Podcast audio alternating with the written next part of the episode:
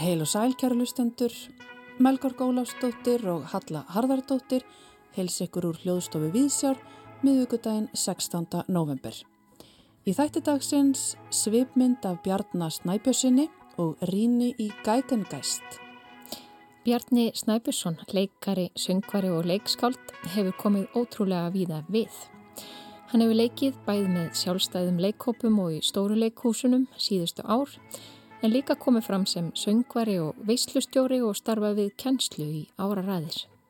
Bjarni sló rækilega í gegn með söng og einleiknum Góðan daginn faggi á liðnu leikári, verk sem hann samti upp úr eigin reynslu og sem er hálgjört uppgjör við skömmina yfir því að vera hins einn. Bjarni verður gestur okkar í sveipmynd dagsins. En við hefjum þáttin í dag á ríni frá Nínu Hjalmarsdóttur sem laði leið sína á frumsýningu nýs dansverks í borgarleikusinu. Verkið Gægengeist er afrakstur samstars á milli teknofyðlu dósins Gægen og íslenska dansflokksins. Gefum nínu orðið. Úr andiri borgarleikusins gungu við inn í rými sem var áður kunnuglegt en er nú eins og að stíga inn í nýja vít. Við finnum okkur stað á meðal glæsilegra kvítklættra vera sem bjóða okkur velkomin og býðum þess í eftirvæntingu að veistlan hefjist. Svart ljósið lýsir upp kvítu skirtuna mína og ég verð að virkum þáttakanda í verkinu. Ég sá fyrst sviðslista og tónskáld stúaðið Gægen fyrir nokkrum árum í Tjarnarbíó á síningunni Gægen Galaxy og kolfjall fyrir þessum alltir egóum höfundana Gíu Jónsdóttur og Péturs Eggertssonar. Orðið Gægen þýðir að leika á fyrlu á þýsku en fyrlan var og er upphafspunktur þessa Gægen heims þeirra. Það sem greip mig kannski mest á þessum tíma við verkið var hinn lúmska áddeila sem fælst í þessum karakterum. Þau eru í einkennis klæðinaði hámenningarinnar, skartandi ádjándu aldar hárkollum sem rekja uppruna sinn til hins franska konungs Lúðvíks 13.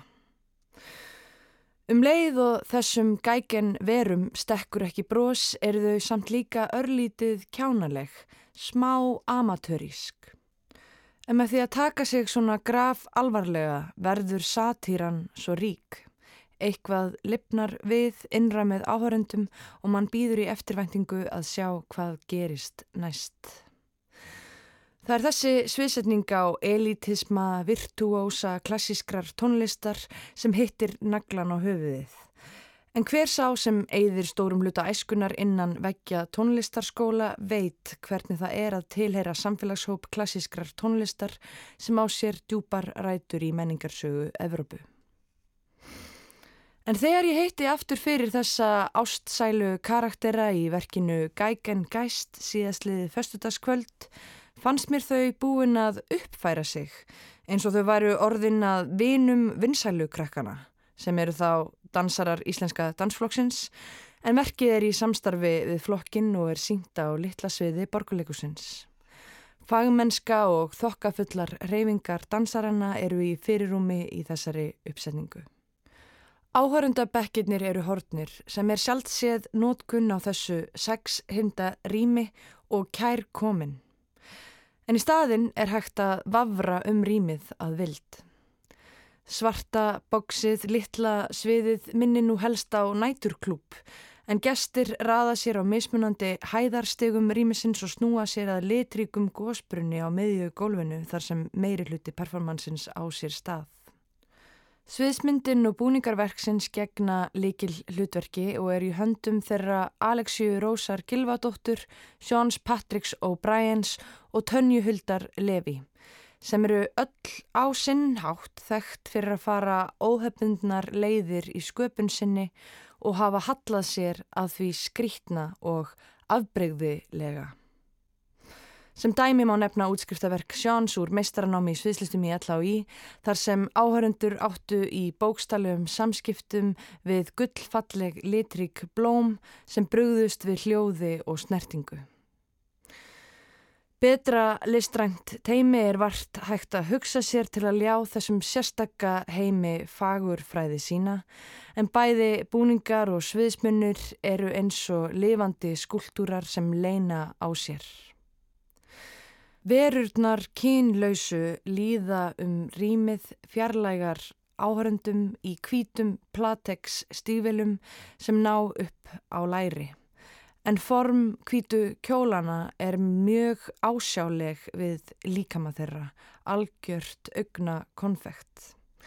Djúb rannsókn liggur að baki til að töfra fram vísanir í barokk tímabilið með lífstykkjum og krínólínum og að sjálfsögðu gríðar stóru krullóttu hárkollunum. Skúltúrbúningarnir taka á sig ýmsar myndir í gegnum verkið þar sem eftirminnilegust er umbreyting þeirra með nótkun leysir tækni. Í byrjun verksins hafa allir flytjendur fylgu strengi sem verðast leiða áfram kóreografíuna og verður manni hugsað til klassísku meistarana eins og Mozart og Beethovens en sá fyrrnemdi var eins og frekt er undra barn undra barna og ekki síst þekktur fyrir færni sína á fyrlu. En við erum samt ekki realísku periódu verki, við erum í gæken heiminum sem er kannski eins og að geimverur myndu horfa til jarðar og ákveða að egna sér þetta tímabil baráksins og romantíkurinnar, nánar tiltekið menningu, konungshyrðar og hástjættar hins vestræna heims á því tímabili. Verkið á sér því staði óræðum heimi þar sem öll fagurfræði og umgjörð er mjög sérstök og stíliseruð og búningar og sviðsmunir njóta sín í lýsandi svartljósunu. Nafnverksins Gæken Gæst myndi að mér virðist þýðast sem andi þess að leika á fylgu en þýskan er viðeðandi þar sem verkið teplir saman hámenningu fylgunar og lámenningu teknotónlistarinnar en höfuðborg Þýskalands er oft kölluð óopinber höfuðborg teknósins í dag. Tónlistverksins fór hægt af stað meðan áhörundur voru að vennjast þessum heimi. Emblástur hennar kom víða að. Fjórar fiðlur fluttu endur tekna dáleiðandi tónaskala en það voru draumkendu 90's synthatnir sem stóðu upp úr hjá mér. Í byrjun verksins var ég svo litið tínt þar sem ég reyndi að átta mig á afstöðu flytjandana. Þau voru svo þokkafull og glæsileg en samt virkaði koreografían ögn klúðursleg eins og í fylgu strengja senunni. En samt ekki þannig að það myndi á amaturisman og satiruna í fyrri verkum hópsins. Ég sem áhörandi þarf ekki að vita allt í svona upplifinarverki en það var eitthvað sem mér fannst vanta í ásetningi flytjandana. Eitthvað sem erfitt er að henda reyður á eins og hyrðin vissi ekki hvað væri að gerast og af hverju þau voru að þessu. Verkið á sér augljósar skýrskotanir í ballroom menningu litaðs hinsegin fólks í bandaríkunum, jafnvel þótt að það hafi kannski ekki verið meiningin. Í þeirri menningu snúast performansar um að sviðsetja ímynd, selja einhverja fantasíu, líkamna tilveru sem er því fólki ekki aðgengileg.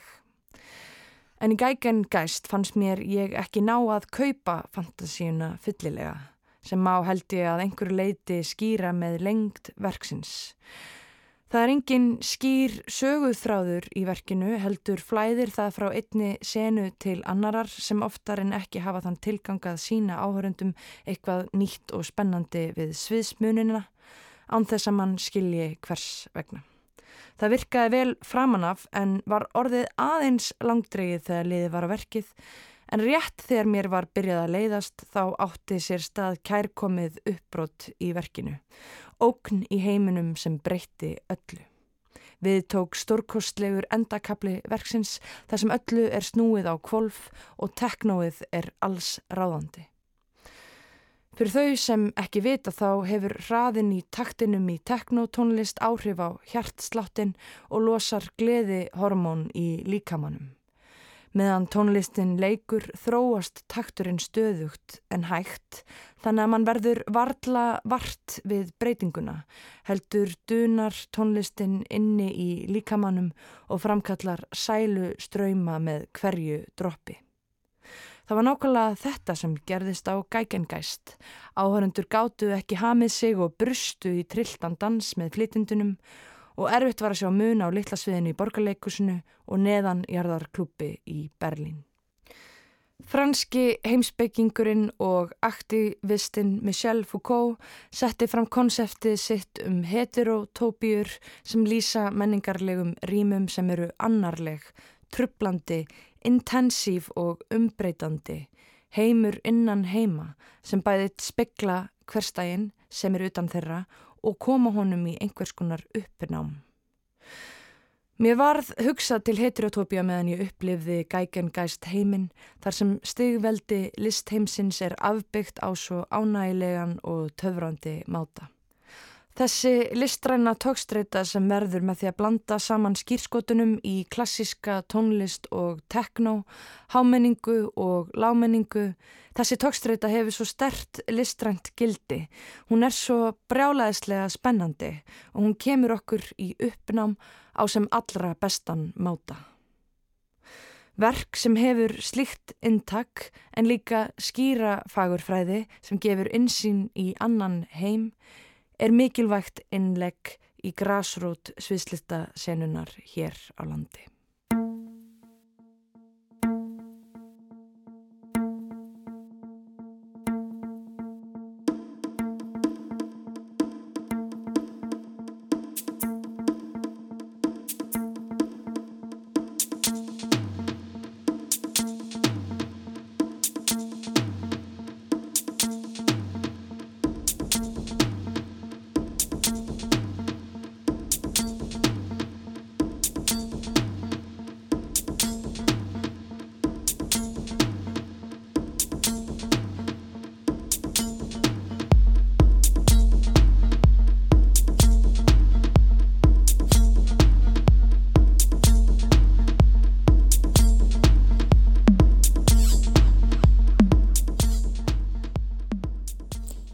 Tónlist eftir tekno-fiðludúóið Gæken, hér á eftir Ríni Nínu Hjálmarsdóttur á Gæken Gæst, nýju dansverki sem frumsýnt var um liðna helgi í borgarleikursinu.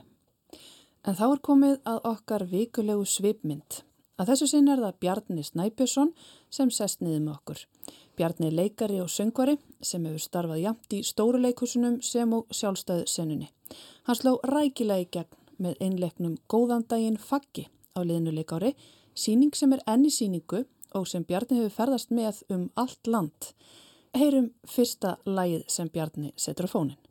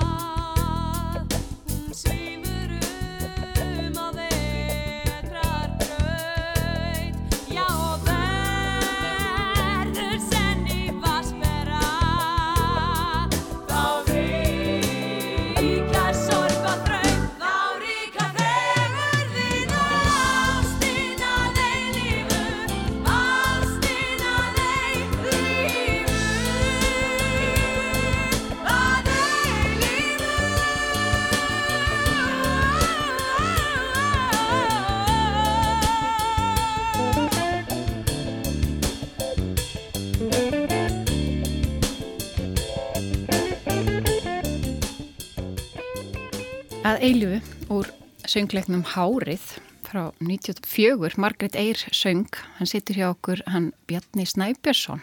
Velkomin. Takk kærlega fyrir. Þú valdir þetta lag. Hvað segna? Já, ég valdi þetta lag. Sko, þetta var, ég veit eiginlega ekki hvernig ég lísti öðru, þetta hafa bara verið eitthvað svona stórkostlegt moment í lí, mínu lífi að, að sjá þennan söngleik. Uh, Ég fór á frumsýningu 7. júli 1994 uh, og það var á 16 ára afmælistæmin. Mm. Uh, þannig að ég er alveg upp á tálknafyrði, uh, pínlillin bæ, þar byggum 350 manns þegar ég var lítill og hafði ekki farið mikið í leikus annað en að sjá áhuga leikfélagi heima fyrir vestan og í nákvæmna bæjum og jú, einhver barnarleikrit eitthvað svona pappi var sko virkur í áhugalegfélaginu og hans vinir og hérna maður sá allt einhvern veginn alla farsana og, og fýblalætin sem voru í gangi þar. Og það var svo skemmtilegt. En svo á ég líka sko móðursistur sem heitir Jóhanna Jónasar og er leikona og eh, reyndar vinnur ekki við það í dag en hún læriði út í Ameríku þarna þegar ég var barn og, og er nýkomin heim þannig þegar ég er 16 ára. Og þetta er eitt af hannur fyrstu hlutverkum að leika í hárunu 1994 og, og ég fekk það í ammaliðskjöð að fara söður uh, fara út að borða á hardrock í kringlunni með sko pennavinkonu mínu frá sögðarkrokki sem, sem ég hafði aldrei hérna við höfum verið pennavinnir í fjögur ári eitthvað á þessum tímanbili Þetta ljómar eins og saga sko aftur úr tímanum. Ég veit, þetta er aftur úr tímanum líka. Ég átti svo marga pennavinni ég var bara rosa en, og það kemur í, já komum þess að því á eftir. En ég átti svo marga pennavinni út um all land og, og hérna, þetta var hún Marja, hún hérna við vorum mjög lengi pennavinnir og, og höfum hist alveg nokkur sinnum svona þegar við erum orðin fullarinn uh, en þarna hittist við fyrsta skipti og það var bara eitthvað skrifaði skí en hún var eitthvað hitti á að hún var í Reykjavík. Þannig að við fórum, ég fekk uh, hérna, amma setti mér í blazer af afa og hérna og henni fannst ekki alveg við hæfi að ég væri bara í einhverjum jogging jakka eða eitthvað. Og hérna gisti að þeim þegar ég kom í bæinn og fórum út að borða og tökum hvort, hvort við bara tekið stræt og svo nýri í bæi eða eitthvað að þetta var í gamla bíó. og þarna sátum við og ég man ég satt á aftasta bekk niðri við hliðina á hérna, hljóðbúrunu það var náttúrulega það áður en að þessi lunga áður en að gamla bíó breytt eins og það er núna. Og og það var bara, þetta var ég fór átt einhverju svona yfirskilvillega lífsreynslu að fara að sjá þessa þennan söngleika, þessa leiksýningu uh, með þessu fólki aðna ég hafði ekki mikið einhvern veginn séð söngleiki hvort í bíó eða við áttum eil aldrei þú veist, mm. hérna videotæki mm -hmm. og það var ekki mikið sínt og hún var bara í, þú veist, við vorum bara með hérna ríkisjórnpið framan af sko mm. og, og þetta var, breytti svo mikið hrætt aðna eftir 90 í sjómasmálum Íslandinga og þannig að þetta var bara algjörlega reysastórt moment fyrir mig að sjá þessa leiksýningu og og ég man í fyrsta skipti hugsaði ég en það var að bæða sjá Jóhannu frængu mína hann á sviði bara að vera stórkoslega og alla þessa leikar og söngvar að vera alveg einstaka og þessa, þessi leiksýning var bara frábær að hérna og ég hugsaði fyrsta skipti bara mig langar að gera þetta mm. það sem að bara í svona allavega það sem ég bara sá hvað, þú veist, ég hefði Þetta kannski Þetta væri hægt Já, og ég hafði alveg verið kannski eitthvað aðeins í leikfélaginu fyrir vestan, eitthvað svona einhverju auðvitaðluturki og það var bara svona gaman. Mm. þess að maður bara eitthvað að skemta sér með fólkinu þarna og einhverju jafnaldra mínu líka og eitthvað svona, en þetta var og þú veist, og ásötíðum í grunnskóla maður leik, leik einhver leikrit og svona. Uh, en þetta var bara eitthvað svona það, þetta er, þarna er eitthvað sem að ég verð bara að gera. Mm. En mannstu hvað það var? Var það söngurinn eða var það svona stemningin í þessu verki? Já, eða? sko orðið sem kemur upp í huga núna er bara eitthvað svona heilagleiki. Þú veist að búa til eitthvað svona augnablík og tilfinningar og upplifun og þú veist sem að bara eitthvað neina, það er ekki hægt að gera neitt annan hátt en með því að vera í lifandi leikusi það sem að allt er lagt í sölunar mm -hmm. þú veist, ljós, hljóð og, og, og þú veist, tilfinningatengtur leikur og, mm -hmm. og söngur og þú veist, þetta er einhvern veginn einstakt. Getur haft umbreytandi áhrif. Já, algjörlega Einmitt. og það sem kannski gaman líka að segja frá því að að ástæðan líka fyrir mig langaði að velja þetta lag sérstaklega úr þessum söngleik var að svo eru ég og Margrit eir orðin svo góðu vinnir í dag mm. og það var alveg svona moment fyrir mig þegar að við hérna leikum saman og sungum í, í Vesalingunum ára 2012 í, í þjóðleikusinu að því að mér fannst þetta hún, þetta, hún er náttúrulega einstök sönguna og frábæð leikuna og þú veist það var bara og svo gerðum við saman svona söngleikja program ég, hún, Orriðin og Sigga Eirun og hérna það sem við svona fórum saman og, og byggum til bara reysa stóra mjög metnað fyrir að dagskrá yfir heilan vetur, fjóru mismundi söngleiki tónleika með mismundi þemum.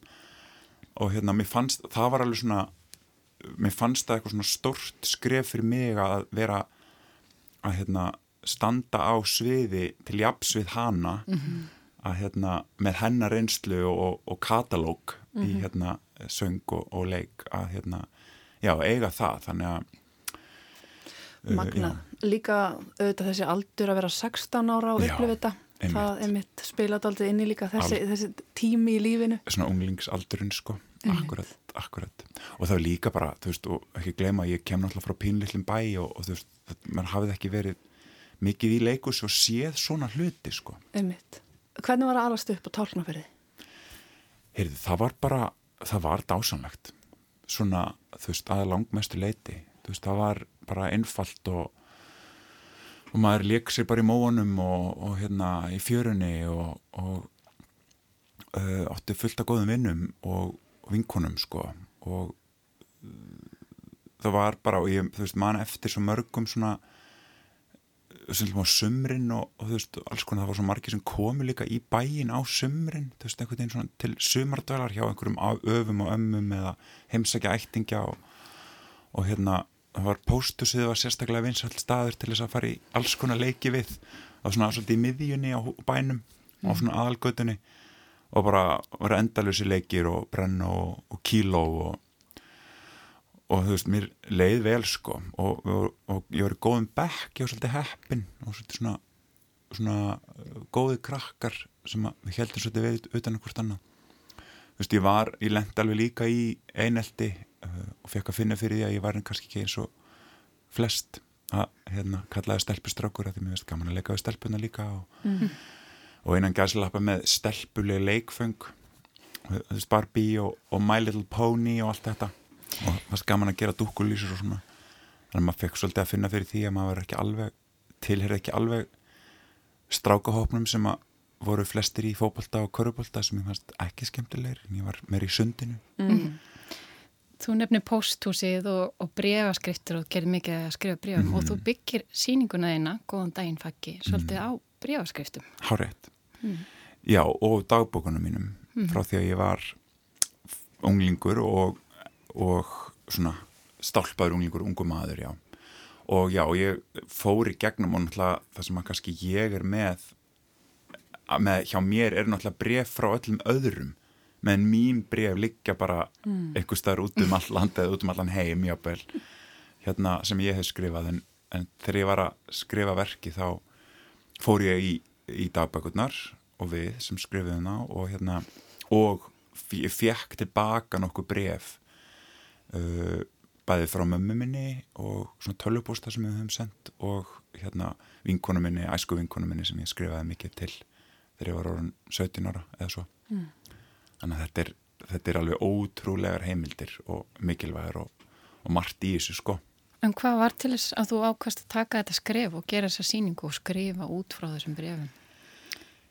Já, það var um, ég hef alltaf verið rosa mikið fyrir að skrifa og skrifa mikið í dagbækur eins og ég sagði og bref, ofbáslega mikið bara vægast sagt.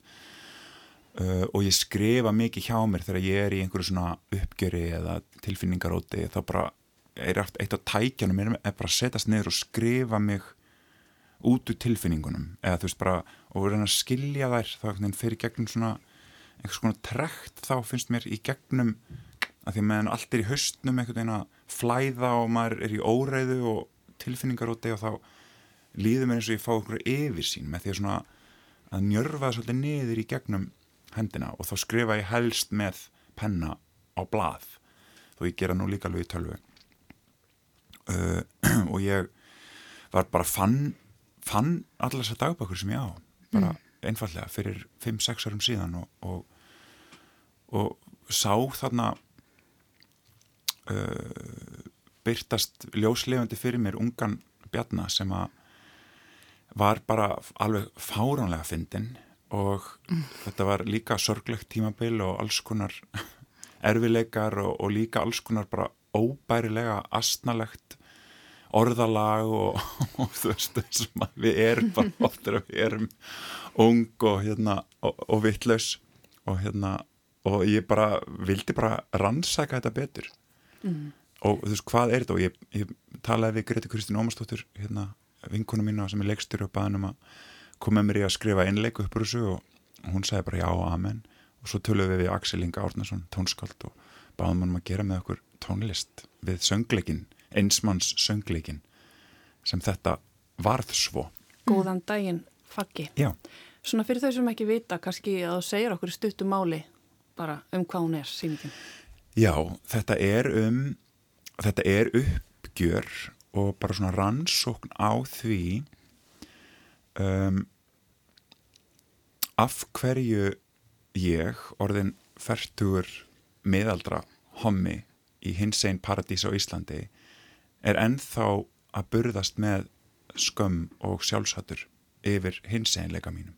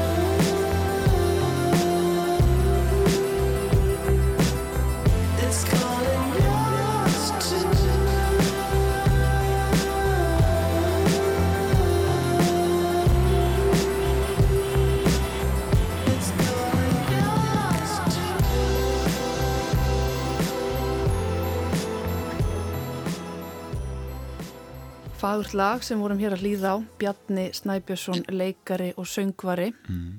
situr hérna hjá okkur í svipmynd og af hverju valdur þetta lag Bjarni?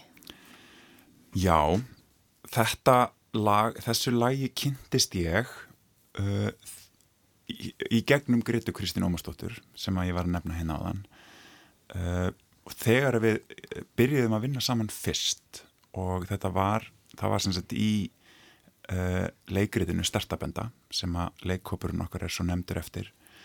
Árið 2016 var hún útskrifast af Sviðs höfundabraut í listaháskólanum og, og, og hefur sambandið nokkra leikara þar á meðal mig til að leika í útskriftaverkinu sinu sem að var sem sagt yrði eh, átt að vera leikritið Stertabenda eða Perplex heitir það á þýsku eftir Marius von Mayenburg eh, sem er bara eitt af fremstu svona evrósku, evrósku leikskaldum ennþá hefur verið í einhver 20 ára eða meira.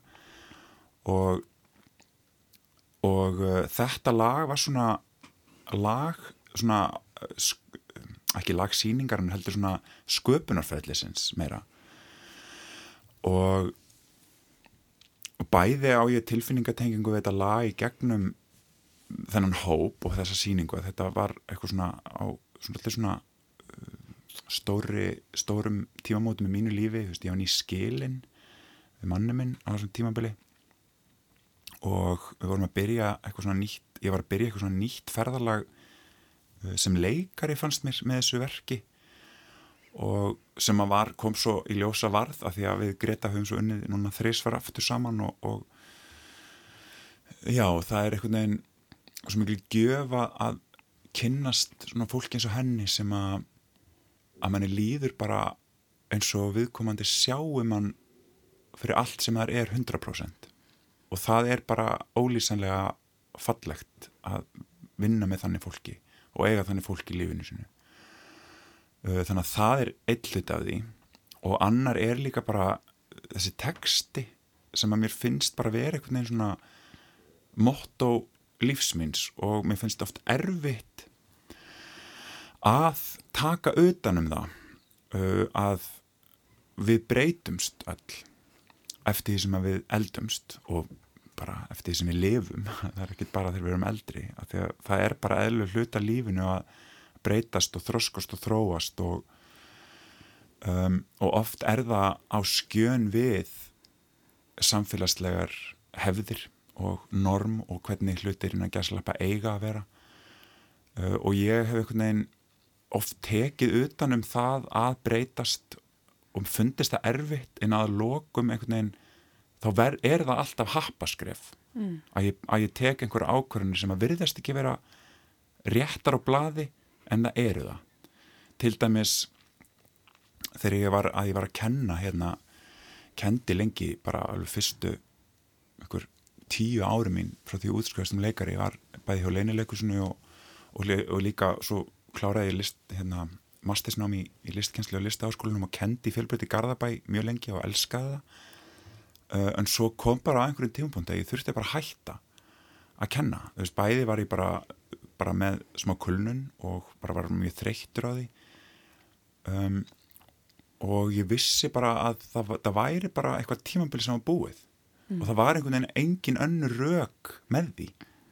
Heldur og þetta var bara geggja starf og bara æðislega nefnendur, frábær skólamestari, geggjaðir samkennarar, elska að kenna leiklist og þetta er bara svona, ég vil bara lifa í leiklist það sem eftir að æfinu minni og það er alveg örugt.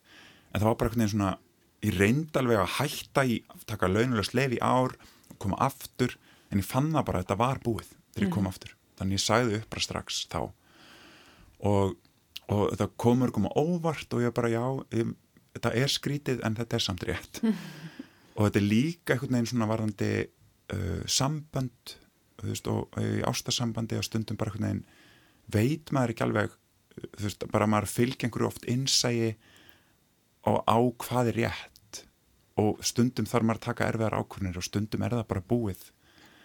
Þó að það líti vel út og allt er bara æðislegt og en það er bara eitthvað en þetta er bara einhver bógi sem klárast núna það er á einhverju innsægi sem að tekur þar ákvarðanir oft og það má taka ákvarðanir þannig og, og ég hef búin að læra það sko í lífinu mínu ef eitthvað er Já, gott að vera búin að læra það. Já, það er svo gott. Það er mikilvægt að treysta einsæðinu. Já, og þetta lag er bara, og þessi text er bara einstakur, er, og þessi plata öll er svona hugleislu plata bara finnst mér. Þess að hann segir hérna, I caught a glimpse, I'm going after it. Þess að maður fær einhvern veginn svona, bara svona blik í einhverju, gegnum einhverju rifu, það er eitthvað svona, einhver stjörniljós á bakvið og ég ætla bara að fara í gegnum þetta. Og ég veit ekki hvað er og ég kannski skilja við alls konar hluti og, og maður þarf að gera það fallega. Ég er ekki að segja að maður þurfi bara að henda allir upp í loftið og skilja eftir sviðna jörð.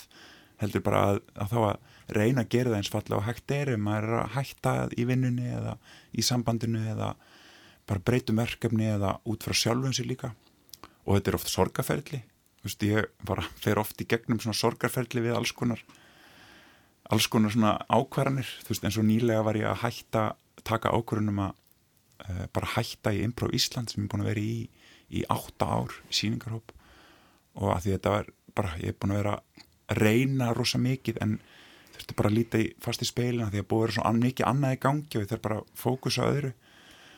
Og ég fó bara að hágráta þegar ég tók þessu ákvarðun -hmm. bara að því að þetta er bara, að, þú veist maður er einhvern veginn að gera upp alls konar mm -hmm. En þú hefur verið í gegnum tíðina einmitt á mjög mörgum svona vikstöðum. Þú hefur verið Já. maður margra hatta. Já, ég hef verið það. Og, og, og það er kostir og galla sem fylgja því. verið í stóra leikúsunum, sjálfstæðum leikópum, mm -hmm. improv, þú veist sem... Og kenna mikið. Kennari, veistlustjóri. Já, mikið að gigga og, og ásattíðum og alls konar. Einmitt. Og hérna syngja og leika og sprella, sko. Mm -hmm. Þannig að þetta er, og það er einhvern veginn bara þessi svona breytingar uh, svona svona þema sem að mér finnst og ég er svona að læra að taka utan um það að hérna að bara njóta þess að, að fylgja flæðinu í lífinu mínu mm -hmm. og sjá hvert að fer með mig Þú lítur að þurfa að treysta mjög vel á sjálfan því til þess að geta staðið með þér Já. Í gegnum svona ekki síst þegar samfélagið er kannski á einhverjum allt öðrum stað Algjörlega, algjörlega að þetta er ofta ekkit rökriðt rákvörnir sem að líti ekkit rökriðt út af við en mm. maður þarf bara að vita það fyrir sig sko, fyrst að því að við lífum okkar eigin lífi sjálf sko, það gerir það enginn fyrir mig en, en hvernig er fyrir þig að horfa á núna hafa verið mikla breytingar í ímsið þessum málinn sem þú hefur verið að, að, að gera upp til dæmis mm. í þessari síningu Já. hvernig er það fyrir þig að horfa upp á til dæmis bara eins og krakka sem eru yngri en þú mm. sem hefur kannski verið að kenna Mm -hmm. Hvernig upplifur þennan heim núna? Alltaf þess að inngildingu sem hefur verið í listum undarfarið? Já, umræðinum það. Bæði bakslæði sem hefur orðið kannski í hinsegin baróttu og svo einmitt þessi mikla umræðu um mm -hmm. inngildingu. Já, sko, það sem að mér finnst ótrúlega mikilvægt að við áttum okkur á fyrst og fremst er rauninni ný meðvitund sem er að verða til og einhvern veginn svona að við erum að læra svo margt. Og ég líka, þú veist, og ég er einhvern veginn þessi yngildíka umræða sem er búin að vera núna í umræðinni varandi hérna falla fólk í leikusi og, og þeirra hérna sínileika uh, og ég, ég tengi við þetta mjög persónulegu leveli sem hluti af hins eginn jáðarhópi en það var, þú veist, en ég þurfti samt að fá sko sögurnar þeirra alveg skýrar til þess að skilja það alveg. Auðvita eru eru við öll bara ólík og svona og, og, þetta, og það er einhvern veginn ný meðvitund að verða til og, og það er það, þetta er á einhver leiti líka svolítið sársökafullt um, ferli af því að það er bara margt að breytast og það er erfitt að taka utan um það og, og við þurfum öll hvað sem við tilhörum jáðarhópið ekki einhvern veginn að, að átt okkur á því hvernig við getum staðið vörð um hvort annað og um já og bara um inngildinguna og, uh, og, og bara gera okkur grein fyrir uh, forréttundunum okkar mm -hmm. og ég uh, ég bara að tala út frá mér þá var að það gerir þessa síningu til dæmis góðan daginn faggi mikið svona veitundavakning fyrir mig um mín forréttindi sem uh, auðmeltanlegasta byrtingamind hins einn mannesku sem að er til mm -hmm. sem er einni kvítur ófallaður sískinja íslenskur kallmaður og áður en ég rauninni byrjaði að vinna þessa síningu þá skilgrindi ég mig sem homma en núna ger ég það sem hins einn að því mér langar að tilhera því regli var hugtaki uh, og standa þannig með þú veist, trans hérna, sískinu mínum og kynsegin sískinu mínum til dæmis og öllum hinnum líka.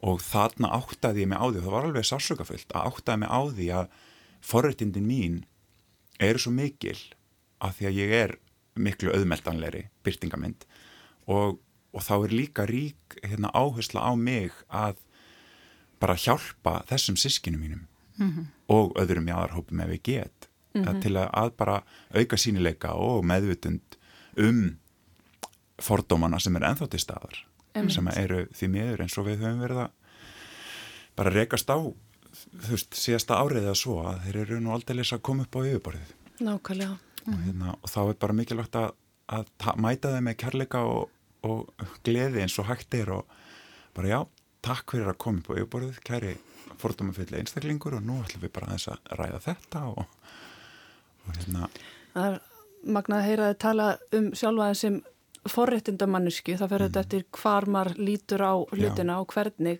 Einmitt. en uh, myndur þú segja að það veri háðir að vera hinsegin í leikúsheiminum á Íslandi? Já ég myndi segja það og, og þetta er flókið að ræði þetta að því að viðst, ég er ekki með mörg hörð dæmi um það en já, ég hef fengið að heyra uh, að ég sé of uh, mjúkur af málrómin til dæmis.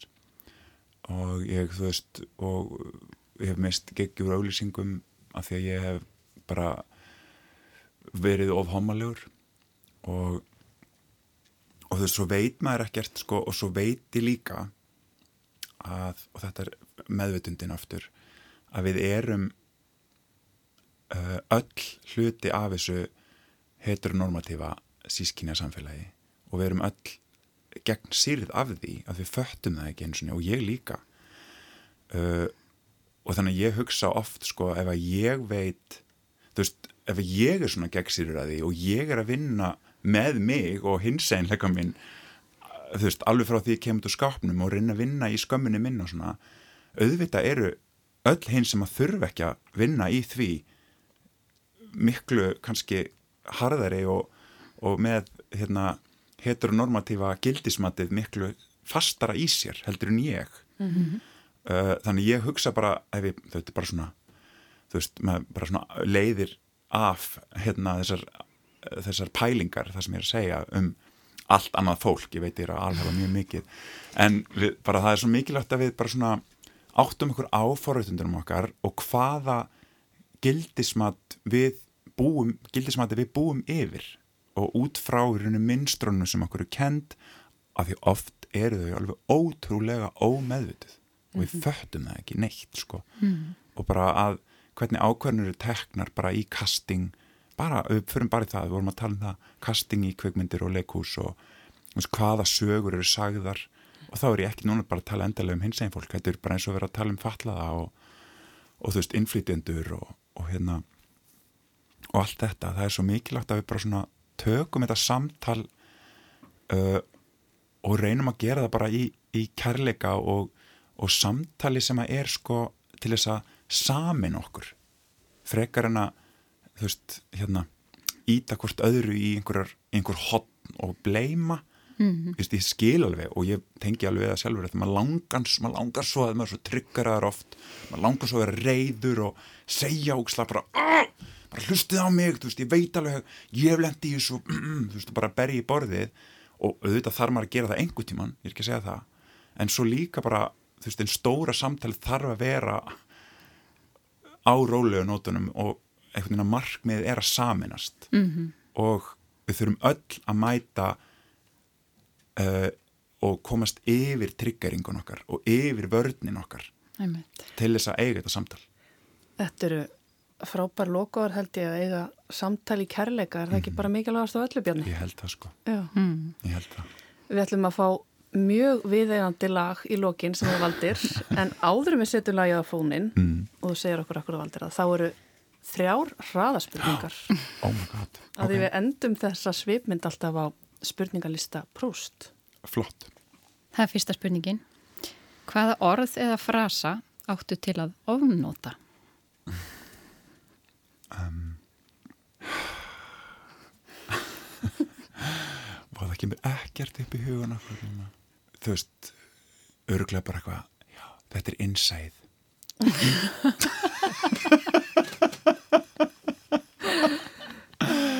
Hvað var þetta innsæði? Mm -hmm. Hvert er þitt stærsta afreg? Hmm, elska sjálfa mig. Það var svo nett. Hver er uppáhald sögupersona þín? Frankenfurter. Mm. Í Rocky Horror. Flott. Bjarni Snæbjörnsson, það var frábært að hafa það hjá okkur hérna í svipmyndinni. Segð okkur frá læginu sem þú ætlar enda. Já, þetta er uh, lag hins einn daga, 2022 uh, sem heitir Nice og er flutt af mér og eftir Axel Inga Árnason. Og þetta er bara óður til hins einleikans og sárana sem okkur eru gefin og skammarana sem okkur er gefin sem er aldrei okkar. Og bara uh, hérna þetta er ákall um, að, um fallegan heim þar sem að við öll vonandi einn daginn fáum að tilhera á þess að þurfa að byggja um það Mikið væri það nú næs að leifa sér að dreyma. Það væri næs að vita hvar ég á heima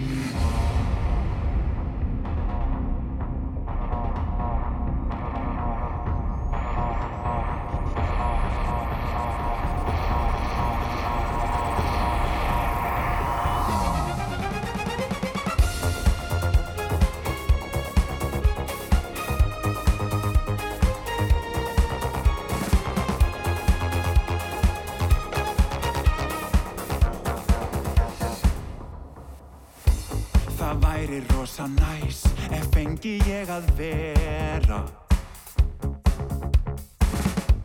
Sá sem ég er og ekkert þýrt að fela. Og ég vissi upp á hár hvaða mann ég hef að geima Það væri næs að finna hvar ég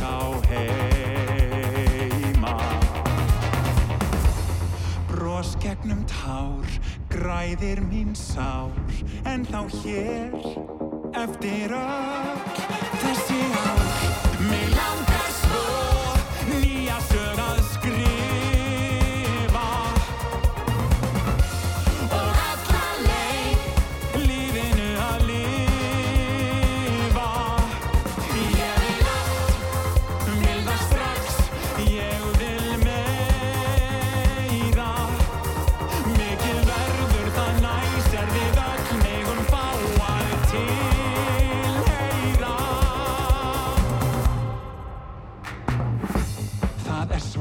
næs að leifa sér að vona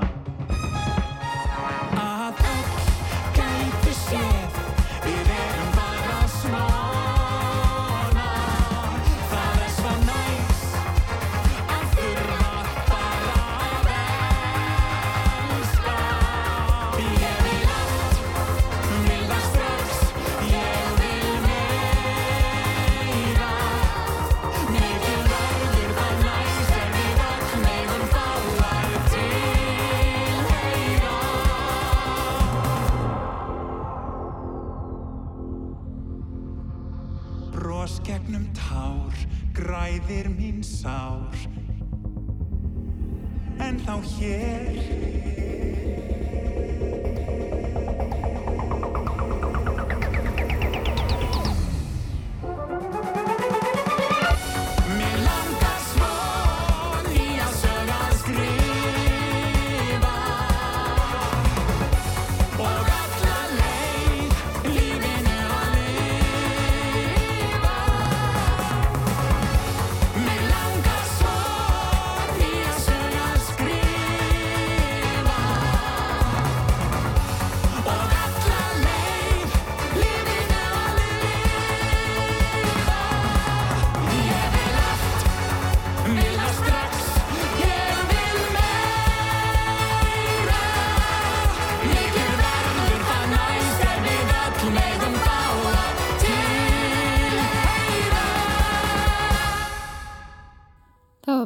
Snæbjörnsson, leikari, söngvari og leikskáld sem setti þetta lokalag á fónin, lagið Næs, lag hins einn daga þetta árið. Bjarni sjálfur söng og samti tekstan í samstarfi við Gretu Kristínu Ómarsdóttur en höfundu lags er Axel Ingi Árnason. Og hér ljúkum við þætti dagsins. Takk fyrir að hlusta og verið sæl.